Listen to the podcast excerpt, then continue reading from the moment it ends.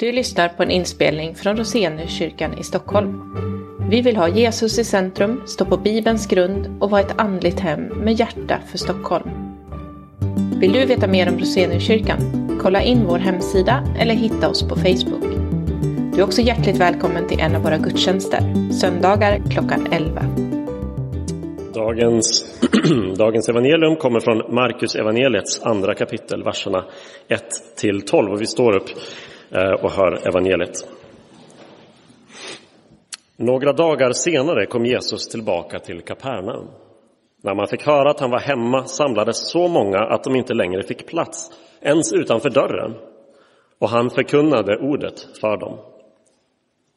Då kom han till honom med en förlamad som bars av fyra män.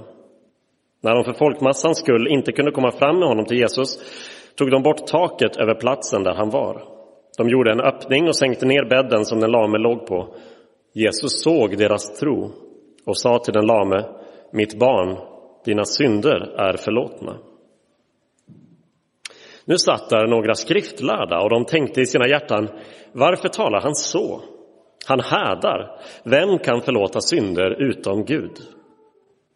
Jesus förstod genast i sin ande att de tänkte så inom sig och han sa till dem, varför tänker ni så i era hjärtan? Vad är lättast? Att säga till den lame, dina synder är förlåtna, eller att säga, res dig, ta din bädd och gå. Men för att ni ska veta att Människosonen har makt på jorden att förlåta synder säger jag dig, och nu talar han till den lame, res dig, ta din bädd och gå hem. Då reste mannen sig upp och genast tog han sin bädd och gick ut inför ögonen på dem alla. Och alla blev utom sig av häpnad och prisade Gud och sa, vi har aldrig sett något liknande. Så lyder det heliga evangeliet. Lovad vare du, Kristus. Ja, Jesus, vi ber att du ska hjälpa oss att höra och förstå att tro och ta emot det du vill säga till oss idag.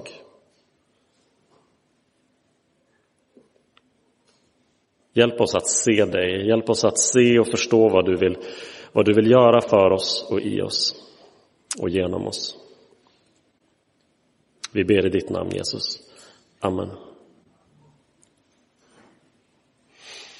Den senaste tidens dominerande nyhetshändelser har ett, eh, har ett gemensamt och väldigt dystert tema. Eh, ett tema av konflikt.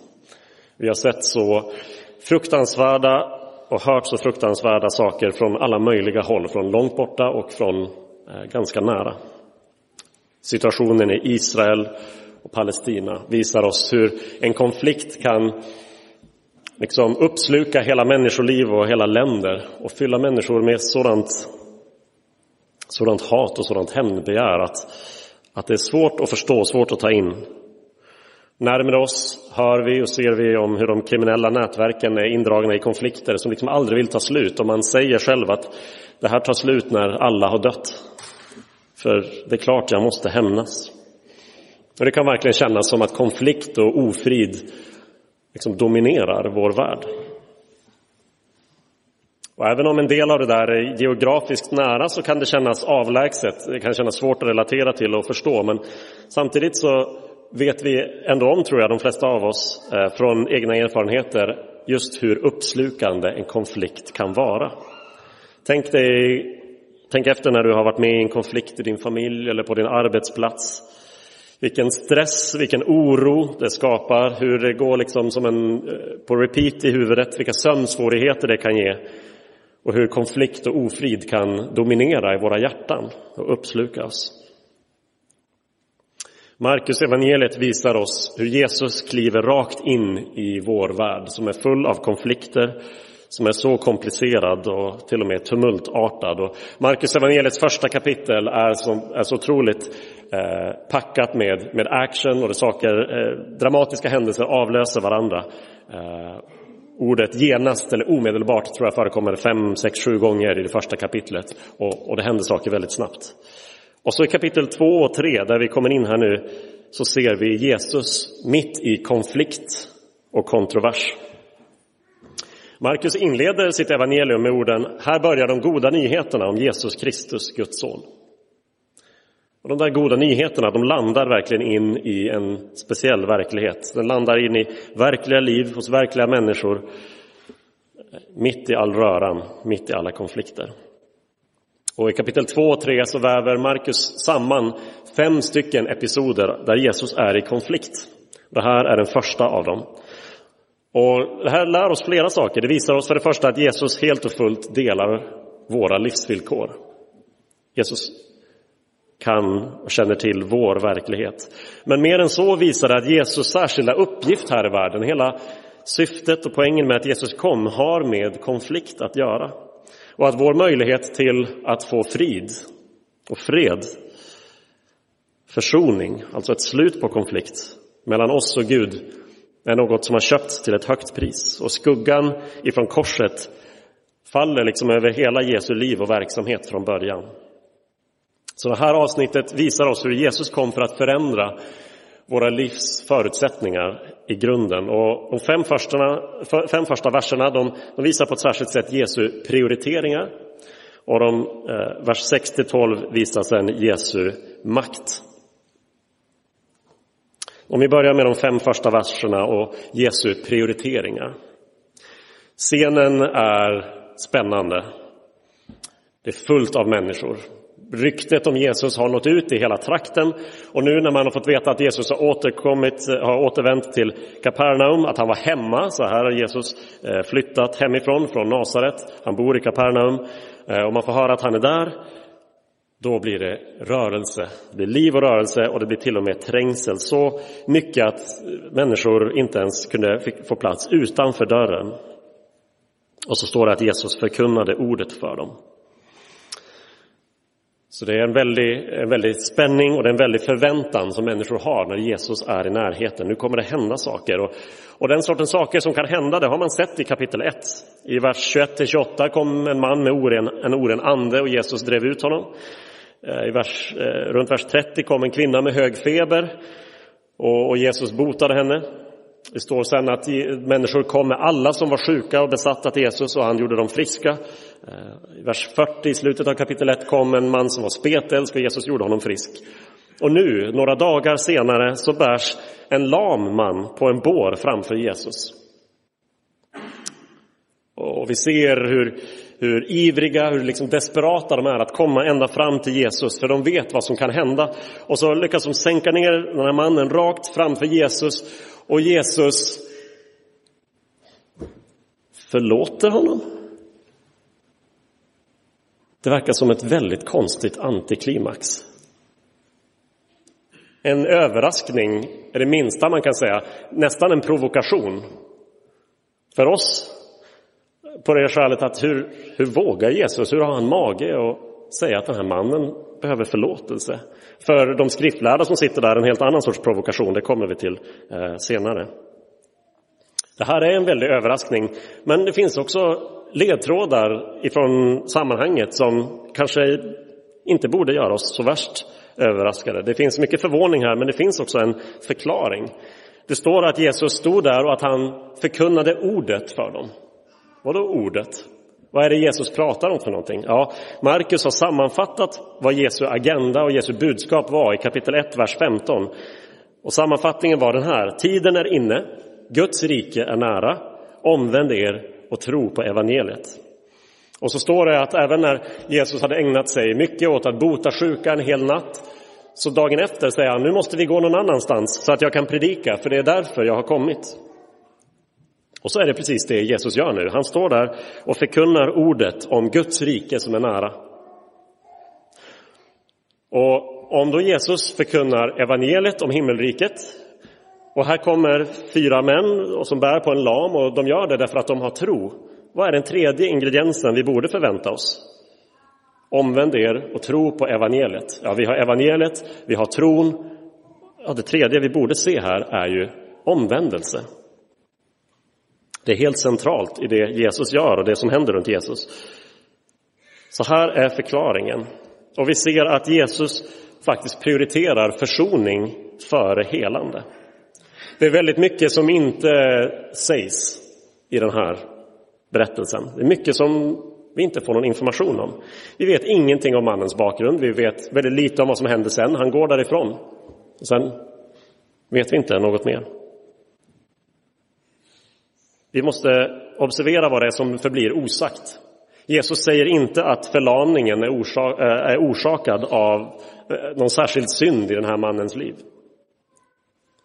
Vi får inte veta någonting om den lame mannens känslor före eller efter, varför han själv tyckte att han behövde komma till Jesus. Vi får inte veta någonting om hurdan hans tro på Jesus såg ut, eller om ens det var hans tro.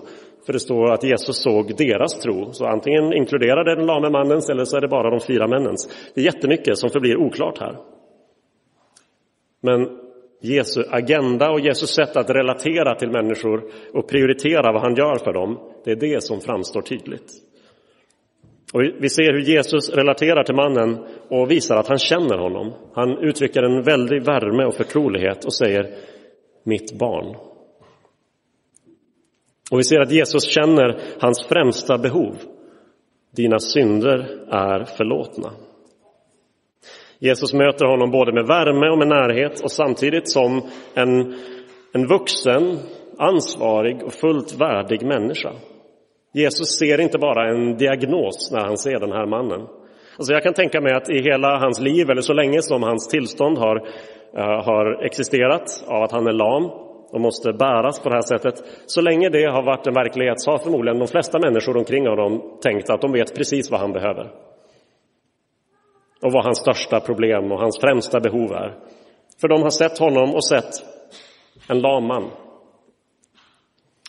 de har inte sett hans hjärta eller hans inre, de har sett hans kropp och de begränsningar och de problem som han har, uppenbarligen. Jesus behandlar honom som något mycket mer än hans sjukdom eller funktionsnedsättning. Jesus nöjer sig inte med ytan, med det som syns och det som alla andra har sagt, det är det den här människan behöver. Utan Jesus uttalar sig förtroligt, med värme och närhet och säger, mitt barn, jag vet vad du behöver. Dina synder är förlåtna. Jesus säger det här därför att vi alla, vi i mänskligheten, är indragna i och uppslukade av en konflikt. Den djupaste konflikten i tillvaron går inte mellan olika etniciteter eller folkgrupper eller rivaliserande gäng. Den, det är en konflikt som går rakt igenom var och en av oss och som är mellan oss och vår skapare. Och ifall Jesus skulle komma till oss och ge oss hälsa, rikedom och framgång men inte tar itu med vårt grundproblem och inte bjuder in oss i sitt rike, ja, då lämnar han oss i ett ganska sorgligt tillstånd i alla fall. Å andra sidan, om Jesus låter oss leva med sjukdom, med fattigdom, med motgångar, men vi har fått förlåtelse för vår synd, så är vi en del av hans rike. Och då vet vi att vi en dag kommer att få se vår hälsa återupprättad, att se våra behov mötta. Vi kommer att få tillbringa en evighet i Jesu och i Guds närhet. Jesus ser vad som var den här mannens främsta, största, djupaste behov och han ser vad som är vårt främsta, största, djupaste behov. Och vi ser här hur vi är välkomna till Jesus precis som vi är. Vi kan eh, ha alla möjliga sorters problem i våra liv. Vi kan bära på alla möjliga, alla möjliga sorters djup längtan och önskan. Och vi är välkomna till Jesus utan att ha någonting att erbjuda honom. Den lame mannen är en oerhört konkret bild av det. Han kunde inte ens ta sig för egen maskin till Jesus utan var tvungen att bli buren dit. Så vi är välkomna till Jesus hur det än ser ut i våra liv. Men vi ska inte förvänta oss att Jesus utvärderar våra liv på samma sätt som vi själva gör och ser allting, våra behov och våra önskningar och rangordnar dem på precis samma sätt som vi gör. Jesus känner oss, kan säga också till oss, mitt barn. Och han vet att det du behöver mer än allt annat inte är hälsa, högre lön, människors bekräftelse, utan att lösas ur syndens grepp. Hans första prioritet är att din relation till Gud ska bli rätt. Att röja ur vägen det som hindrar dig från att komma in i Guds rike, Det är det som är de goda nyheterna. Och ja, när Guds rike går fram så ser vi hur allt det som synden har förstört blir återupprättat och nyskapat. Sjuka blir friska, blinda får sin syn, lama kan ställa sig upp och bära sin egen madrass eller bår hem. Men det största som händer är att mitt i en värld full av konflikter och ofrid kan du och jag här och nu veta att på det mest avgörande planet så är det rätt ställt med oss. Jag behöver inte fly från Gud. Jag behöver inte frukta Guds dom. Jag behöver inte frukta att bli avvisad av vare sig människor eller Gud. Jag behöver inte frukta att bli bortskickad eller förkastad. Därför att hos Gud är jag välkomnad, förlåten och fri. Det är de goda nyheterna om Guds rike. Men hur kan vi veta? Hur kan vi veta att våra synder är förlåtna? Alltså, cyniken i oss när vi hör någonting som låter så bra och så fantastiskt kan ändå lätt tänka att det här känns som en liksom lite för enkel religiös respons på våra verkliga djupa problem.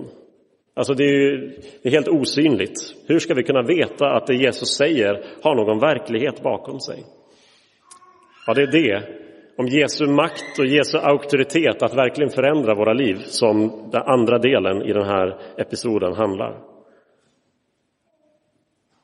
För de första åhörarna var det som eh, provocerade kanske inte i första hand Jesu prioriteringar utan det anspråk på makt han gör. Vem tror han att han är? Varför säger han så där? Vem kan förlåta synder utom Gud? Och Jesu makt eller auktoritet är en viktig del i de första kapitlen i Markus evangeliet. Det översätts ordet ibland till auktoritet och ibland till makt.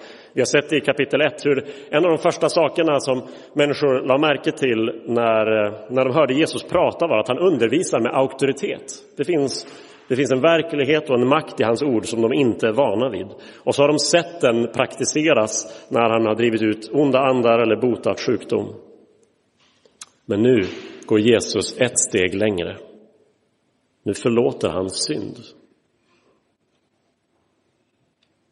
Man kan bara förlåta något som man i någon mening är liksom målsägande för.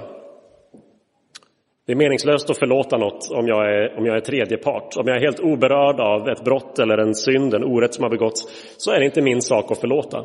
Om du har ett bråk med en kollega så spelar det ingen roll om jag går in och förlåter dig. Om Jesus förlåter synd så säger han att han är den som all synd har begåtts mot. Synd begås mot Gud. Det är Gud som mänskligheten befinner sig i konflikt med. Och Jesus säger att han kan svara för, kan tala för Gud och förlåta synd. Jesus går faktiskt ett steg längre här än han hittills har gjort i sin undervisning. Till och med ett steg längre än han har gjort när han har botat sjuka. Därför nu tar han en auktoritet som alldeles tydligt bara tillhör Gud. Och det är det hans motståndare reagerar på. Säger, vad gör han? Och de, liksom vi, undrar, hur kan vi veta? Så Jesu makt är unik, men Jesu makt är också uppenbar. För Jesus förstår vad de tänker och han, han gör något nu som blir till hjälp både för dem att inse vem han är och för oss att veta att det finns verklighet bakom hans löften och ord. När Jesus ställer den retoriska frågan, vad är lättast att säga? Och vers 10 är liksom eh, höjdpunkten av spänning i hela den här eh, berättelsen.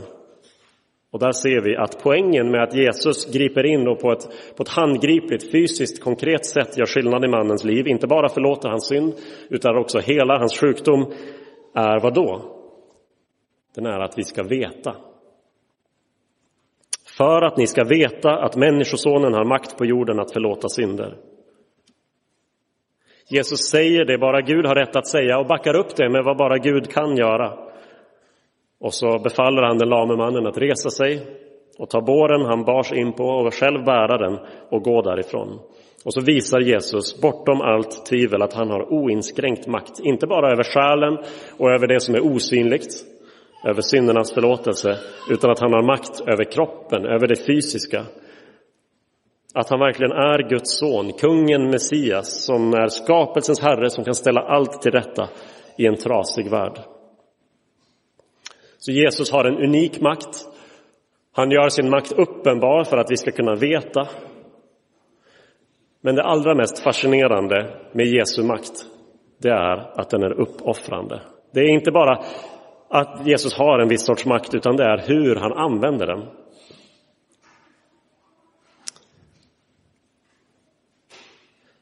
Jesus med all den makten han har, med det stora uppdraget han har, med folkmassor som trängs, med människor från alla möjliga bakgrunder och samhällsklasser som vill höra honom. I allt det som pågår så har Jesus tid för en lam man vid ett husmöte i lilla Kapernaum. Men han ger den lame mannen mycket mer än sin tid. Tänk när historien slutar på hur förändrad den är, den här situationen. Vi har en man som bars in, han kunde inte gå, han bars in, men han går därifrån både förlåten och helad. Alltså han är helad både till sitt inre och till sitt yttre. Hans konflikt med Gud är över. Och så går han därifrån och vi ser honom inte igen.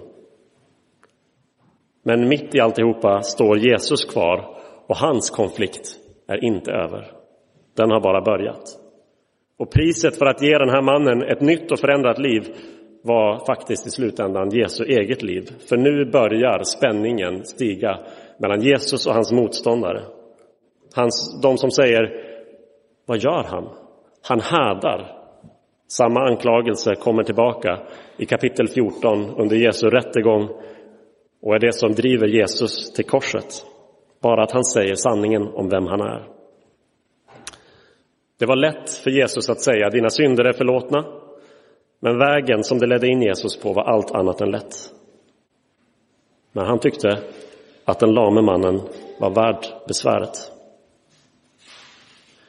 Så får vi tänka, vi som är de som var i konflikt med Gud, fast och förlamade i vårt meningslösa uppror mot himmelens och jordens Herre, inse att Jesus gör samma sak för oss. Jesus bytte plats med oss. Jesus tar bort vår grundläggande konflikt och tar den på sig själv. Ger förlåtelse när han tar på sig vår synd. Skänker försoning men gick själv in i en strid. Ger frid med Gud till priset av att själv ta på sig Guds dom. Han är kungen som blir korsfäst, han är kungen som uppstod, han har makt över livet och döden. Och så kan vi veta att våra synder är förlåtna. Så om vi tvivlar på att Gud älskar oss, om du känner så, älskar Gud verkligen mig? Välkomnar han mig? Vill han ha mig med? Så finns det ett sätt vi kan veta att han verkligen älskar, bryr sig, att han förlåter och välkomnar. Korset visar att Jesus älskade oss mer än han älskade sitt eget liv. Han sänder oss här ifrån kyrkan idag utan en konflikt med en frid med Gud. Därför att han själv tog konflikten, synden, skulden och domen på sig. Jesu död och uppståndelse visar att det ligger makt, auktoritet och verklighet i hans erbjudande om syndernas förlåtelse, frid med Gud och ett evigt liv. Och så när vi tar emot det i våra liv så befinner vi oss någonstans där den lame mannen befann sig, kanske bara ett kort ögonblick, mellan förlåtelse och fullständigt helande. Och där i en utdragen väntan får vi leva med många problem, frågetecken, frustrationer och smärtor kvar. Men vi behöver inte tvivla på Jesu löfte om förlåtelse. Och en dag ska vårt helande bli ännu mer fullständigt än den lame mannens här som återvände till eh, ett liv som på, på massa avgörande sätt var förvandlat och förändrat men som ändå slutade i döden. Inte så när vi en dag är i Guds rike och aldrig mer ska dö. Och så får vi göra, när vi tagit emot det som Jesus gett oss, göra som de fyra männen och se vem finns det i vår närhet som behöver Jesus? Kan vi bära dem till Jesus? Med vår bön, med vår inbjudan till en gudstjänst eller en hemgrupp eller något annat. Och be och tro att Jesus förlåter och förvandlar också idag. Låt oss be.